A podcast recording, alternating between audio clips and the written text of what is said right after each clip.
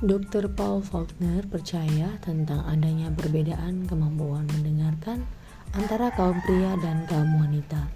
Dalam bukunya Making Things Right, Dr. Faulkner mengatakan bahwa pada wanita terpasang kabel untuk 440 volt. Mereka memiliki sejumlah kabel emosional kecil-kecil yang terentang dari mereka ke semua arah.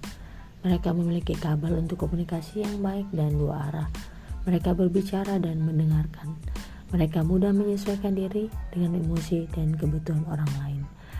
Nah, di pihak lain, pria dipasangi kabel untuk hanya 12 volt. Hanya itu. Kaum pria mempunyai sepasang kaut kecil yang terentang keluar, tapi keduanya bengkok. Perangkat bicara pada pria biasanya dalam keadaan terpasang, tapi perangkat penerimanya mati. Oleh sebab itu, kaum pria harus berusaha jauh lebih keras untuk mendengarkan daripada kaum wanita. Kesulitan komunikasi yang diangkat oleh Archie dan Edith Bunker barangkali bukan melulu karena yang seorang bicara bahasa Inggris sedangkan yang lain mendengarkan dengan bahasa Tarzan. Dr. Faulkner mungkin menyarankan kepada Archie Bunker agar memberikan perhatian serius kepada kabel-kabelnya yang bengkok dan pesawat penerimanya yang mati.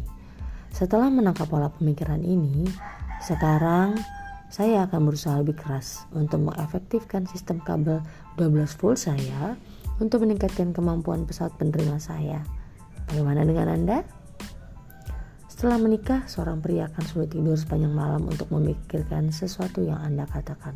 Setelah pernikahan, dia akan terlelap bahkan sebelum Anda selesai mengatakannya. Belen Rowland